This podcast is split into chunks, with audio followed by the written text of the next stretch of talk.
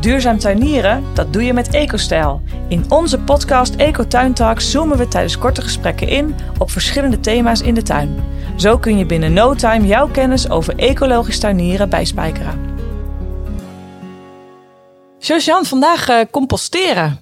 Ja, tof onderwerp. Ja, het is echt een van mijn favorieten. Het is echt uh, helemaal toen ik die film Onder het Maaiveld uh, gekeken heb, toen is die ondergrondse wereld nog meer voor me open gegaan. En toen dacht ik echt, wow, ik ga van mijn compostbak af en ik wil een hoop. En nou ja, goed.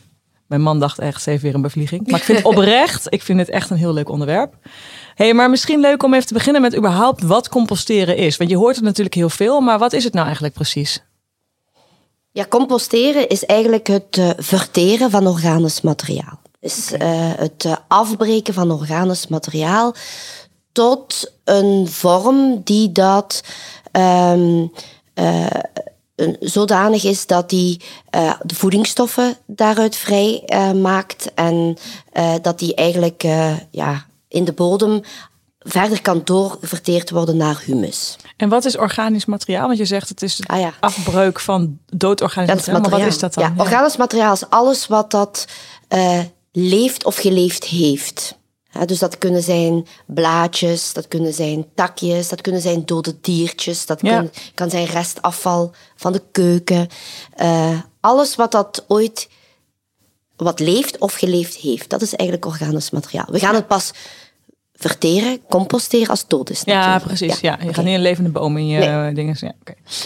Oké, dat is composteren. Ja, want um, je ziet volgens mij ook wel verschillende vormen daarin uh, langskomen. Hè? Want je hebt gewoon compostbakken, uh, uh, maar je hebt ook wormen compostbakken. Hè? Dus dan doe je actief wormen erin. Ja. Ik heb ook laatst bokashi, dat, dat hoorde ik voorbij komen. Hè? Dat, dat komt nu ook steeds meer. Wat, kun je eens aangeven wat daar precies het verschil tussen is, tussen die drie? Dus eigenlijk hè, zonder wormen, met wormen en bokashi. Dus als je gewoon het composteren zonder wormen... Je composteert eigenlijk nooit helemaal zonder nee, wormen. want die, die klimmen er doorheen. Ja, ja, voilà. Dus een compostbak uh, is best open aan de onderkant. Dus uh, diertjes uit de grond kunnen de, de, de compostbak in. Dus ook de regenwormen. En je hoopt dat er regenwormen uh, in je compostbak komen.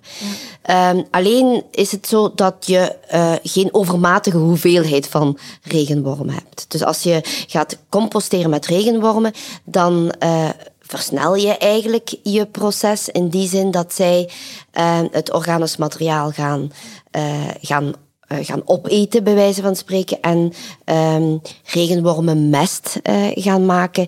En dan is je resultaat dus eigenlijk regenwormenmest en humus. Um, dus een soort versneller eigenlijk dus? Ja. ja. En in beide gevallen is het een proces waar zuurstof uh, bij wordt gebruikt. Ja. Terwijl dat bokashi is een uh, vorm van composteren. Eigenlijk moet je zeggen fermenteren. Omwille van het feit dat er geen zuurstof gebruikt wordt. Daar is het juist een zuurstofloze omgeving. Uh, waarbij dat je een uh, mengsel van lactibacilli, dus van bacteriën, gaat toevoegen aan je uh, aan je compostmateriaal. Ja. En wat je uiteindelijk uh, daarvan aftapt, is een vloeistof, uh, die je dan kan gebruiken als een meststof. en de rest is ook weer een materiaal wat verder kan doorcomposteren met zuurstof. Maar voor bokashi heb je dus, zo begrijp ik, specifieke bacteriën nodig. Dus het is niet zo dat je zegt, ik stop het in een luchtdicht vat nee, en ik wacht gewoon een je tijdje. Je voegt iets toe. Je voegt een, een preparaatje toe, een, een, een mixje toe, waarin die bacteriën aan toegevoegd zijn. Oké, oké. Dus dat, dat zijn uh... bacteriën die dat gaan werken zonder zuurstof. Terwijl dat in een compostbak heb je ook bacteriën, maar die bacteriën, dat zijn juist degenen die zuurstof nodig hebben om de afbraak te doen. Oké, nou top. Dat is duidelijk, denk ik, dat verschil. Uh, laten we het dan eens gaan hebben over hoe dat dan precies in de natuur gebeurt. Want het is een natuurlijk uh, hè, proces. Um, hoe doet de natuur dat? En wat is de rol? Ja, in de natuur gebeurt dat zelf. Hè. Daar ga je geen hoop maken. Hè. Ga je niet nadenken over um, of over, over wat ga ik nu in mijn compostbak doen en uh, onder welke omstandigheden. Natuur gebeurt dat gewoon.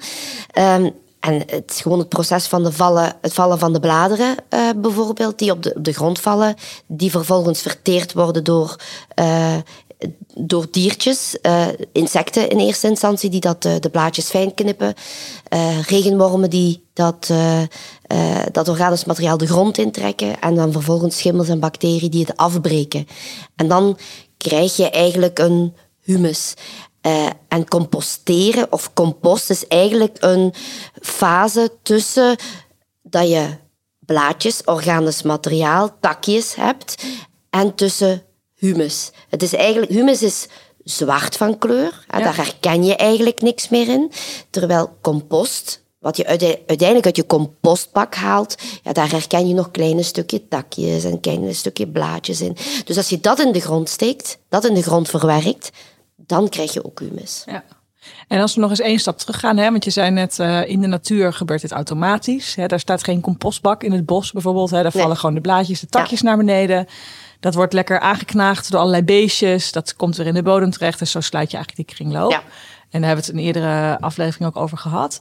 Um, wat is daar de rol dan precies van? Waarom is dat hele verteringsproces zo belangrijk? Wel, omwille van het feit dat die humus die er uiteindelijk uh, gemaakt wordt, uh, of als resultaat uh, ontstaat, dat die um, de bodemdeeltjes aan elkaar gaat kleven, zanddeeltjes aan elkaar gaat kleven. Ja. en maakt dat zandgrond daardoor veel beter zijn vocht gaat vasthouden, want zandgrond laat het vocht gewoon doorlopen. terwijl bij klei gaat het juist het tegenovergestelde doen. Het duwt eigenlijk die kleideeltjes uit elkaar, waardoor het water beter door kan. Dus het gaat eigenlijk de structuur van die bodem verbeteren. Maar voor het zover is, hè, uh, in dat heel dat afbraakproces, dat composteringsproces tot humus, ja, daar gaan die micro-organismen, uh, die gaan uh, die afbraak doen en er komen voedingsstoffen vrij. En die voedingsstoffen die kunnen weer opgenomen worden door de plant. Het is daarom dat in een bos dat je niet moet gaan bemesten bijvoorbeeld. Dus het heeft eigenlijk verschillende redenen. Het is goed voor de structuur, het plakt de deeltjes aan elkaar en het is dus ook nog eens voeding. Ja, Voilà. En het voedt uh, ook voeding voor het bodemleven. Niet alleen voor de plant, ja, maar ook voor het bodemleven. het voedt de bodemleven en dan de En dan plant. de plant, ja. ja. tof. En dat is dan denk ik ook gelijk een mooi bruggetje. Hè? Want je hebt natuurlijk uh, zelf ook best wel veel organisch materiaal uh, over. Hè? Dus mhm. bijvoorbeeld keukenafval. Of als je een paar grote bomen in je tuin hebt en je wilt het van je gazon afhalen. Um, en dan kun je natuurlijk zelf beginnen met composteren, wat ik net in de inleiding ook al uh, ja, eigenlijk aangaf, dat ik daar ook mee bezig ben. Wat zijn eigenlijk uh, belangrijke dingen die je in de gaten moet houden om, uh, om zelf te gaan composteren? Wat, wat, ja, waar moet je op letten?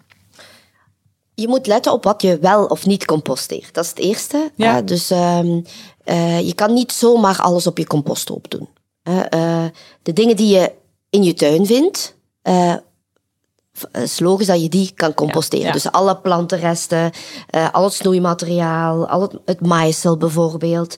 Um, uh, groenteafval ook, hè, want dat is ook uh, uh, natuurlijk. Dat kan je allemaal gewoon meteen. En groenteafval bedoel je dingen die uit de moestuin komen die niet goed zijn? Ja, dat bedoel ik. Hè. Dus ja. bijvoorbeeld een sla waarvan die ja, aangevreten, is. Die aangevreten is. Of een kool waarvan de blaren bruin geworden zijn en die, die dat op de grond vallen.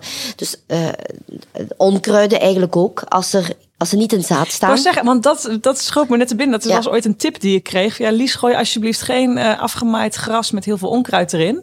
Uh, want dan kan het zijn dat je uiteindelijk compost creëert waar onkruidzaden in, zitten. En dan krijg je daarna weer. Uh... Ja, je moet opletten dat, dat ze niet in zaad staan. maar als ze niet in zaad staan, is het eigenlijk helemaal geen probleem. Dan kan je dat perfect gebruiken. Ja. Um, maar ook keukenafval. Hè? Dus um, als je gaat kijken naar koffie koffieresten, koffiedrap zeggen wij. Ik weet niet hoe jullie dat noemen. Ja, dat, in Nederland ook. Ja. Um, eierschalen. Uh, bijvoorbeeld, uh, theezakjes, um, kan je allemaal composteren. Maar je kan ook een aantal dingen niet composteren. Zoals bijvoorbeeld um, gekookt voedsel. Resten van, ja, van gekookt voedsel. als de kinderen het eten niet opgegeten hebben, ja. zou het makkelijk zijn om het op de, de composthoop te gooien. Dat, doe je beter niet. En ehm, komt het dan omdat die cellen kapot zijn dat je het gekookt hebt? Of is het omdat er misschien zout doorheen zit, wat dan het, het proces Ja, omdat je allerhande dingen aan toegevoegd hebt hè, die dat uh, uh, nadelig zijn hè, voor, voor de compostering. Okay. Citrusvruchten. Uh, dus de schillen van uh, als je appelsine uitgeperst hebt, uh, de citrusvruchten er niet op. En waarom is dat? Omdat er misschien pesticiden op, aan de buitenkant zitten? Ja, of, ja dat. En ook omdat het een heel zure omgeving creëert. Oké. Ja, beide eigenlijk. Ehm, kattenbakvulling. ehm, ja, Heel, dus Een, een, een aantal dingen die dat je er niet, niet kan gebruiken. Dus dat is belangrijk. Ja. Dus dingen wel, dingen niet. En hoe zit het nou precies met vlees eh, en vis en zo, dat soort zaken? Want daar lees ik ook nog wel eens verschillende dingen over, hè, als je dat een beetje googelt. Ja, geen vlees en vis. Oké, Eh, zowel niet eh, rauw als niet geprepareerd. geprepareerd. Oké, Ehm, en dus dan is- eigenlijk een beetje als, als leidraad, een beetje zo schoon mogelijk eigenlijk. Ja. Daar komt het op neer. ja, zo, Alles wat je misschien in je tuin zou stoppen met ja, een goed dat is eigenlijk ook de basis. Hè? Ja. Want uiteindelijk, composteren is een natuurlijk proces. Ja. Dus alles wat je, in de natuur zou kunnen terugvinden, hè? Een, een ei, hè? Wat dat, eh, eh, zelfs al is het een, een, een ei wat een kip achtergelaten heeft... eh, en dat gaat verdrogen, dat zou je op de compost... Allee, alles wat dat je in de natuur vindt, kan je ook composteren. En dan is natuurlijk belangrijk de verhouding eh, van die materialen. En daar, daar gaat het meestal fout. Ja, ja, Hè? ja. Omdat, ehm, ja, eh dat zijn heel moeilijke theorieën. Dat zijn echte theorieën die dat eh, beschrijven hoe dat je precies het moet doen. En dat heeft dan te maken met de koolstof-stikstofverhouding. Ehm, eh, maar eigenlijk kan, het, kan je het veel eenvoudiger uitleggen dan een, eh, eh, dan een rekensommetje te maken over koolstof en stikstof. Dat is door te gaan nadenken over je bruin en je groen materiaal. Ja. Ehm, het, je moet eigenlijk proberen om in laagjes te werken en het bruin materiaal en het groene materiaal goed met elkaar eh, te, gaan, te gaan afwisselen. En wat is bruin materiaal? Bruin materiaal, dat, ja, zoals het woordje zegt, hè, eh, takjes bijvoorbeeld, ehm, eh, afgevallen bladeren, Ja, een, uit- ja. ja, een uitgedroogd blad, houtsnippers. Waarom? Ehm, omwille van het feit dat dat koolstofrijk materiaal is. Dat is moeilijk afbreekbaar materiaal. Daarvoor heb je schimmels nodig om die te gaan afbreken. Terwijl dat groen materiaal, ja, dat hebben we vooral van grasmaaisel. Ja. En dat is, daar loopt het, gaat het vaak mis. Mensen hebben heel veel grasmaaisel. En doen dat grasmaaisel dan op een composthoop. Maar dat is heel stikstofrijk. Ehm, en ja, dat is vooral iets wat door bacteriën wordt afgebroken en veel Ja. minder door, eh, door schimmels wordt afgebroken. Als je alleen maar die, ehm, eh, die, eh, dat grasmaaisel gaat toevoegen of ehm, afgeknipte stukjes van, van je planten, dus Ja. allemaal groen materiaal, ja, dan krijg je een, dan gaat, dan gaat die composthoop op elkaar koeken. Ja. Die gaat Aan elkaar plakken. aan elkaar plakken. Ja. Bacteriën, het zijn vooral de bacteriën die dan gaan werken. En dan bacteriën die heel hard werken, die, die creëren heel veel warmte. En dan krijg je een heel warme composthoop. En een composthoop die enorm gaat stinken. Ah. Ehm, dus je moet er eigenlijk voor zorgen dat je in laagjes werkt en dat je ze afwisselt. Dat die in balans is eigenlijk. Ja, en dan heb je een goede CN-verhouding. En wetende dat bruin C is en, en, eh, en eh, groen N. Ja. Dus door laagjes te maken krijg je de juiste CN-verhouding. Dat is een gemakkelijk bruggetje om ja, te onthouden hoe dat je ervoor zorgt dat je eigenlijk een goede mix maakt. Oké, ja, dat is wel duidelijk. Want ik had hier inderdaad al vaak wat over gelezen, maar ik snapte echt de clue niet. Ja. Dus inderdaad, ik dacht, oké, afwisselen bruin-groen, dat, eh, Ja, ja, ja, dat je kan ook tip. het koolstofgehalte en het stikstofgehalte van al die planten gaan eh, bepalen en dan rekensommetjes te maken welke de ideale CN-verhouding is. En op die manier, maar oké. Misschien eh, als je tijd over hebt. Ja. Oké, dus de eerste factor waar je goed rekening mee moet houden is de organische stof. Dus wat gooi je erop? Nou, Ja. ik denk dat dat wel duidelijk nu is. En wat is de tweede? De temperatuur. De temperatuur. En eigenlijk hebben die al ingeleid. Hè? Ja. Ehm, in die zin dat eh, een composthoop de, heb je het liefst een, op een temperatuur tussen 55 en 65 graden. Dat is de optimale temperatuur. Bij die temperatuur voelen zowel schimmels als bacteriën eh, zich goed. Hè? Eh, dus dat is een temperatuur die je probeert te creëren. Ja. Die heb je na een paar weken, heb je die niet direct als je de composthoop op elkaar gooit. Dat duurt eventjes. Ehm, en je probeert uiteindelijk dat die temperatuur niet onder de 40 graden en niet Maar dat voelt echt best wel 65. eh, warm, Josian. Ja, dat is ook zo. Hoe in vredesnaam kan iets wat zo in de tuin stil ligt, toch zo'n temperatuur bereiken? Ja, omdat de bacteriën hun werk gaan doen en gaan verteren. Ja. En dan krijg je warmteopbouw. Ehm, Maar moet je het dan nog afdekken of zo? Of hoeft dat in principe niet? Dat een Dit- beetje de warmte erin blijft? Dat hoeft in principe niet. Je kan dat doen in het begin. Ja. Dat helpt een beetje, maar dat hoeft helemaal niet. Dat proces begint van, vanzelf. Hè. Ehm, Is dat, heeft dat ook, sorry, ik heb even een link in mijn hoofd hoor, maar heeft dat ook te maken met eh, eh, dat je soms in mesthopen brand kunt krijgen en zo?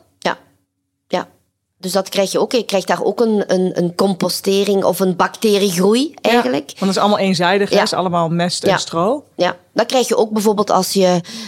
Um, uh, want je weet dat ik van een, uh, van een boerderij kom. Hè? Dat als je ja. maïs inkuilt bijvoorbeeld. Die, die maïskuil, dat, zijn allemaal, dat is allemaal resten van die maïs die ge, geoogst wordt. In een kuil gedaan wordt. Die kuil die wordt heel warm. Wauw.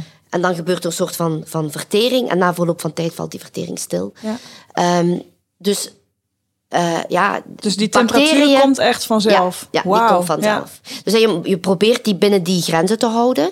Um, wanneer die temperatuur te laag wordt, ja, dan uh, moet je de temperatuur omhoog krijgen. Dus als je daarover nadenkt, wat ik net had verteld... Moet dan je groen materiaal. Dus groen materiaal toe. Ah, je hebt hem begrepen. Ja, ik heb opgelet. en als hij te te, te warm wordt, ja, dan ga je extra bruin materiaal toevoegen. Dan voeg je ook, ook extra lucht toe vanzelf, hè, omwille van het feit dat je dat bruin materiaal sowieso wat losser is ook. Ja. Uh, en op die manier uh, krijg je die temperatuur weer terug. Uh, terug en hoe meet je dan die temperatuur? Zijn er bepaalde composteren thermometers of zo? Ja. Oh, echt? Ja, die zijn er. Oh, wow. ja. Nou, leuk. Maar dat dus, hoeft niet. Je hoeft daar, geen, je hoeft daar niet, niet zodanig wiskundig mee om te gaan dat je echt dat moet gaan meten en controleren of je niet op 54 zit of op 61. Zo, nee, zo nou komt het allemaal. Eens als je daarmee vertrokken bent, dan heb je wel een idee van uh, uh, nu zit het goed. Ja, ja oké. Okay. Dus we hebben organische stof gehad, we hebben nu de temperatuur gehad. En uh, wat is de derde? lucht misschien als we daarmee beginnen. Lucht in de zin van uh, zuurstof? Zuurstof, hè. Um, omwille van het feit dat, um, ja, om te composteren, we hebben straks het verschil uitgelegd tussen composteren en fermenteren. Om te ja. composteren heb je zuurstof nodig. En wel omwille van het feit dat die bacteriën en die schimmels die dat, um, die compostering doen, dat die ja, zuurstofminnend zijn. Dus die leven graag in aerobe omstandigheden. Ja. Die hebben eigenlijk zuurstof nodig om hun werk te doen. Ja, die hebben zuurstof nodig om te groeien, om hun werk te doen, om te composteren. Um, en hoe krijg je dan voldoende zuurstof in, in zo'n um, in zo'n compost? Op, om te beginnen, datgene wat ik daar straks gezegd heb, hè, ervoor zorgen uh, dat je afwisselt, materiaal afwisselt. Want ja, als je takjes en twijgjes hebt, uh, dat gaat sowieso wat lucht. meer lucht uh, in, in de hoop brengen. En um, die verteren ook wat trager, dus je houdt wat meer lucht in, uh, in die composthoop. Maar een van de andere dingen die dat je zeker ook bij een composthoop moet doen, is hem omzetten, zoals ze dat noemen. Dus omscheppen, omscheppen, regelmatig. Ja. Um, zodanig dat je er lucht inbrengt, extra lucht, extra zuurstof inbrengt. En hoe vaak moet je, want dat doe je met een mestvork, toch? Ja, met een mestvork. En hoe, hoe vaak raad je aan dat te doen? Ja, je moet zelf een beetje in de gaten houden. Hè. Uh, om de paar weken. Okay. Ja, om de maand. Uh, een beetje afhankelijk van het seizoen ook. Hè. In, in, in, de zomer dan gaat het composteringsproces wat sneller. Dan ja. doe je dat wat vaker. In de winter vertraagt het composteringsproces. Dan doe je dat wat minder vaak. Ja, oké. Okay. We hebben nu organische stof gehad. Hè? Dus wat, doe je, wat leg je op je composthoop? Uh, de temperatuur, uh, die lekker een beetje aangenaam moet zijn, zodat uh, de, de micro-organismen goed hun werk kunnen doen. Ja. Um, en we hadden net zuurstof, hè, want dat hebben ze nodig om, om hun werk überhaupt te kunnen doen. En wat is de vierde? Vocht. Vocht. Ja. Want ook daar weer is het om de om de bacteriën en de schimmels te pleasen. want ook bacteriën hebben naast, en schimmels hebben naast uh, zuurstof ook vocht nodig om ja. uh, te ontwikkelen. Um, en ja, daarmee moet je vooral uitletten. Het wordt voor een stukje bepaald door je uitgangsmateriaal. Als dat uh, wat vochtiger is, dan uh, ja, dan heb je al sowieso. Ja, dus, uh, groen is denk ik wat. Groen is wat ja, vochtiger. Wat vochtiger ja. Dat is ook de reden waarom dat ze bijvoorbeeld zeggen geen as uh, op de composthoop te doen. As van de, van de kachel bijvoorbeeld, hè, omdat as uitdrogend is. Ah. En bovendien as ook wel verbrandingsstoffen bevat. Ja. Um,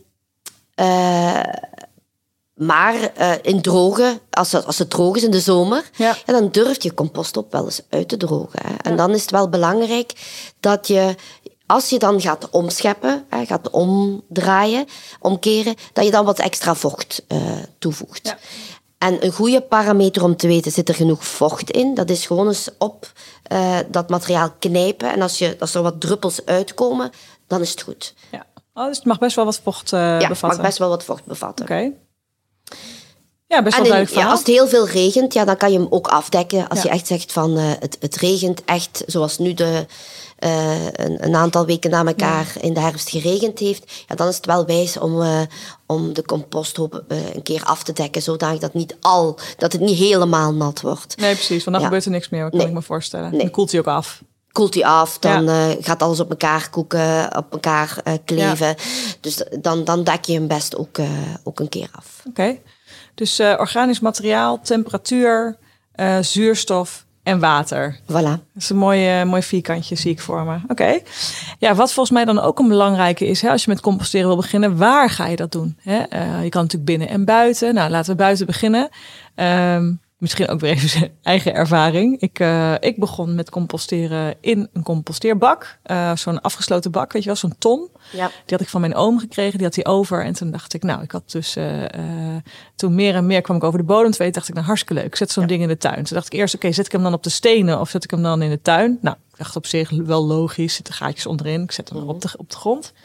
Maar ik vond het wel lastig hoor. Want helemaal nu wat jij zegt, hè, met uh, nou, die temperatuur, kan me voorstellen dat hij lekker warm wordt. Maar ik vond het heel lastig om hem goed op te bouwen. Um, omdat je gooit eigenlijk elke keer bovenin gooien iets. Je kan het heel moeilijk omscheppen om weer extra zuurstof erin te krijgen. Mm -hmm.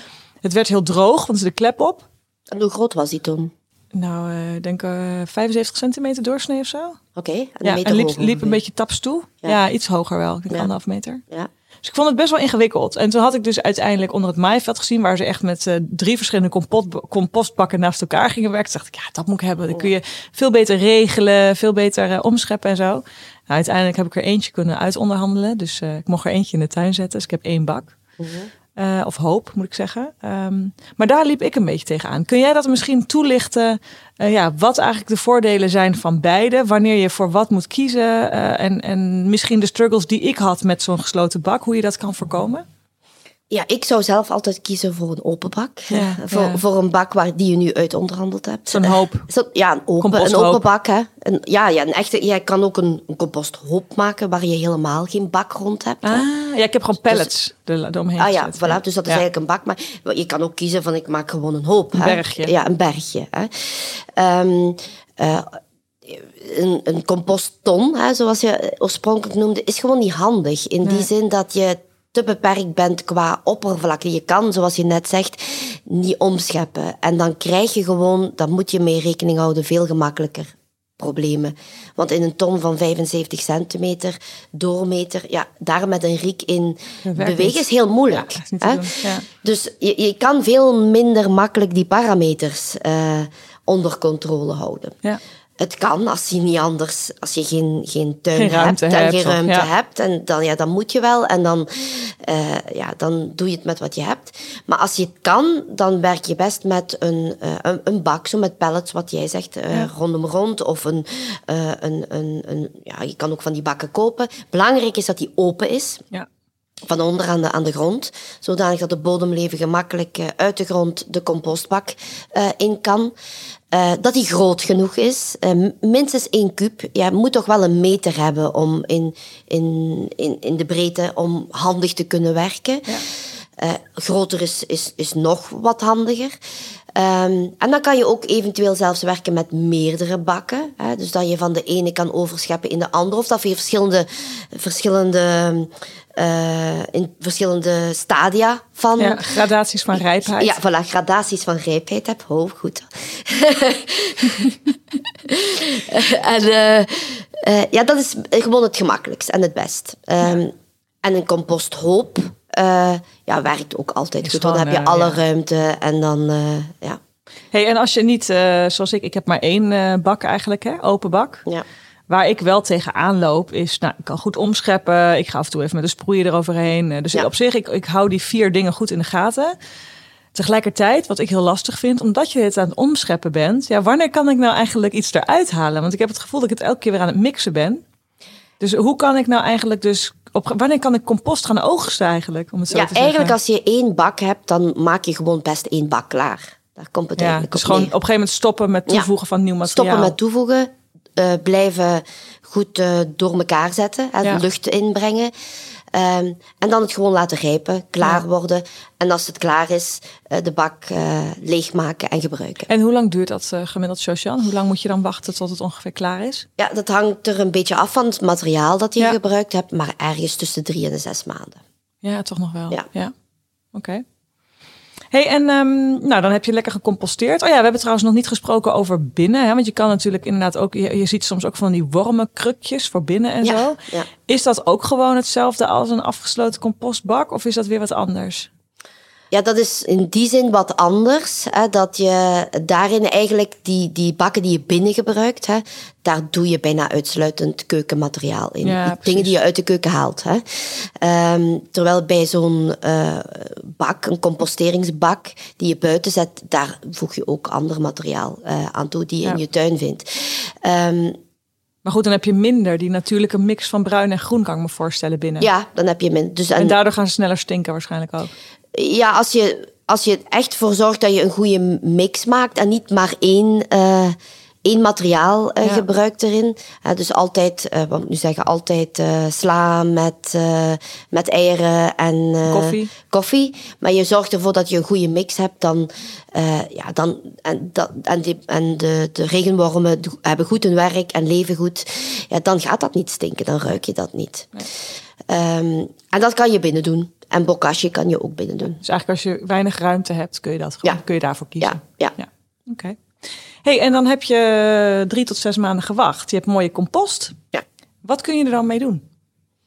De tuin mee erin. Um, want eigenlijk wat, wat je uiteindelijk nu hebt, is het doorverteerd organisch materiaal met heel veel, veel uh, micro-organismen erin. En, en, en, wat regenwormen ook als je geluk hebt. En, um, en dan uh, ja, we hebben in een van eh, de afleveringen over de gezonde bodem hebben we het gehad over hoe belangrijk organische stof is. Ja. Um, wel, dit kan je gebruiken als uh, organische stof die je gaat gebruiken in je moestuin bijvoorbeeld. Hè, onder de grond uh, gaat harken. Of dit kan je gebruiken om op je gazon te strooien in de, vlak voor de winter ja. tegen, tegen mosvorming. Um, of je kan hier zelf, als die heel goed doorgerijpt is, maar dat is echt wel belangrijk dat die heel goed doorgerijpt is, als potgrond gaan gebruiken. Oh, Oké, okay. dan kun je ja. gewoon uh, planten inzetten, ook binnen. Uh, ja, als, als hij heel goed doorgerijpt is en als je voeding toevoegt. En waarom moet je het zo goed laten doorrijpen? Omdat als je compost hebt die nog niet volledig doorgerijpt is, dan gaat hij nog verder doorcomposteren in je bloempot. En compost een composteringsproces trekt stikstof weg. En dan mhm. ga je zien dat de planten die je op die compost zet, dat die geel verkleuren. Want dat eigenlijk er stikstof uit de planten getrokken wordt, bij wijze van spreken. Of dat die, eigenlijk die planten helemaal geen stikstof kunnen opnemen. Dus het is altijd heel belangrijk dat je composteringsproces voldoende vergevorderd is. Ja, dit doet me ook denken aan het gesprek wat wij laatst hadden. Hè? We hadden het erover dat mijn uh, moestuin het toch best wel lastig heeft. Ik heb nu voor de derde jaar een moestuin gehad. Maar ik, als ik misschien één of twee courgettes eraf heb geplukt, dan is dat wel de opbrengst van het jaar. En daar blijft het bij. Misschien twee framboosjes. Um, en toen gaf je ook aan van, hoe heb je die, die moestuin eigenlijk opgebouwd? Hoe heb je die überhaupt uh, gemaakt? En zei ik, nou, ik heb compost laten komen. En zei je, aha, Lies, maar was die compost wel goed gerijpt? Dus nu snap ik hem inderdaad. Dat kan dus te maken hebben als je ongerijpte compost gebruikt. Dat dus dat te veel stikstof nog gebruikt, waardoor ja. de plant dus geen stikstof heeft ja, om te groeien. Dat is het eerste jaar dan. Hè? Na ja, verloop van tijd, ja. volgend jaar zou je daar geen last meer van mogen nee, hebben. Nee. Maar niet goed gerijpte compost trekt voeding weg. Gebruikt voeding om te gaan composteren. Want de bacteriën hebben dat nodig om dat composteringsproces te laten, laten doorlopen. Nadien, als het composteringsproces afgerond is en, en, en verder doorgevoerd is, ja, dan geef je die stikstof ook wel weer vrij. Ja. Dus op zich is het geen verloren uh, voeding. Maar nee. dus op dat moment is het voor planten heel moeilijk om dan de concurrentie aan te gaan. Interessant. Hey, en stel ik wil het gewoon toevoegen als bodemverbeteraar, hè, wat jij ook net aangaf, uh, strooi het lekker over je gazon of uh, ja. verwerk het in de tuin. Hoe verwerk je dat in de tuin? Moet je dat helemaal inharken of omwoelen? Of kan je het gewoon erbovenop leggen en wordt het dan wel door de micro-organismen de bodem mee ingenomen? Je kan het er bovenop leggen, kan je doen. Uh, maar je kan het er ook gewoon uh, inharken. Ik zou het er zelf inharken, dan is het mooi verdeeld met de grond die je al hebt. Ja. Dat gaat sneller ook. Maar goed, de gazon uh, kan je niet echt inharken? Nee, bij een gazon niet. Nee. Maar wel dus bij een moestuin bedoel gooien. ik dan. Ja, ja, precies. Bij een, bij een gazon gooi je het er gewoon overheen. Ja, ja wat goed. Oké, dat is hartstikke duidelijk. Hey, en zijn er nog trucjes over uh, om het composteringsproces wat sneller te laten verlopen? Hè? Want jij gaf net aan, nou, dat duurt ongeveer drie tot zes maanden. Vind ik best wel lang. -hmm. Ja, de natuur heeft natuurlijk zijn tijd nodig, snap ik ook wel. Maar stel je wil dat een beetje verspoedigen, -hmm. uh, hoe zou je dat kunnen doen? Ja, dan bestaan er producten op de markt, uh, zoals wij ook bij hebben, een compostmaker. En dat zijn, uh, is een product waar dat er extra uh, micro-organismen aan toegevoegd zijn, die ervoor zorgen dat het composteringsproces snel op gang komt. Ja. En dan ga je dat product, als je een laagje groen, een laagje bruin hebt, dan doe je een laagje compostmaker, een laagje groen, een laagje bruin compostmaker. Ja. En op die manier voeg je dat tussen je materiaal in. Op die manier ga je eigenlijk ook dat composteringsproces wat sneller op gang uh, brengen en kan je een aantal, uh, een aantal weken winnen. Uh, plus, je bent, bent er ook zeker van dat ja, je de juiste micro-organismen meteen, ja, meteen hebt Ja. voor de compostering. Dus met zo'n product voeg je dus eigenlijk stikstof en micro-organismen Ja. toe. Ja. Hey, en ik kan me ook voorstellen dat je, mm, maar misschien is dat te simpel gedacht hoor, dat je ook het eh, proces kan versnellen door misschien aan die vier element knoppen te draaien. Hè? Dus Ja. wat jij zei, sowieso al die, die verhouding goed bekijken. Misschien iets meer en eh toevoegen, iets meer groen om een beetje de temperatuur wat omhoog. Ik weet het niet hoor. Ik Ja, je moet, wat je vooral eh, kan doen door aan die vier knoppen te draaien, is het proces niet vertragen. Nee, precies. Ja, want we hebben Ja. daar straks gezegd dat wat je allemaal krijgt wanneer dat het niet goed is. Ja. Dus als je ervoor zorgt dat eh, die vier knoppen, dat je op het juiste moment aan de knoppen draait, ja, dan zorg je ervoor dat eh, dat composteringsproces op speed is. Hè? ja, ja, ja. En dat die ge- gewoon doorgaat en niet stilvalt. Het feit dat het soms lang duurt, heeft vooral te maken met het feit dat het composteringsproces stilvalt. Ja, dus dat het uit balans is, die Uit vier balans elementen. is dat een van die elementen die niet- bijvoorbeeld dat helemaal uitgedroogd is omwille van het feit dat het buiten 30 graden is Ja. gedurende drie weken, ja, dan is het wel belangrijk dat je gaat checken van, eh, eh, ja, is die composthoop niet te droog, hè, bijvoorbeeld. Dus dat moet, moet ik niet wat extra vocht gaan toevoegen. Ja, dus de basis is de goede balans van die vier dingen. Ja. Mocht je toch nog wat sneller willen, voeg je een compostmaker Compostmaker toe. toe. Ja. Ja. Nou, helder verhaal. Hartstikke leuk. Ik, Voilà. eh, ik ga straks weer even kijken hoe het gesteld staat met de composthoop thuis. Ja, succes hè. Ja, dankjewel. Zo, jij weet weer een beetje meer over duurzaam tuinieren. Wil je nog meer leren? Abonneer je op Eco Tuin Talks, de podcast. Dan mis je nooit een nieuwe aflevering. Kun je niet wachten? Check dan onze website, Instagram page of schrijf je in voor onze nieuwsbrief.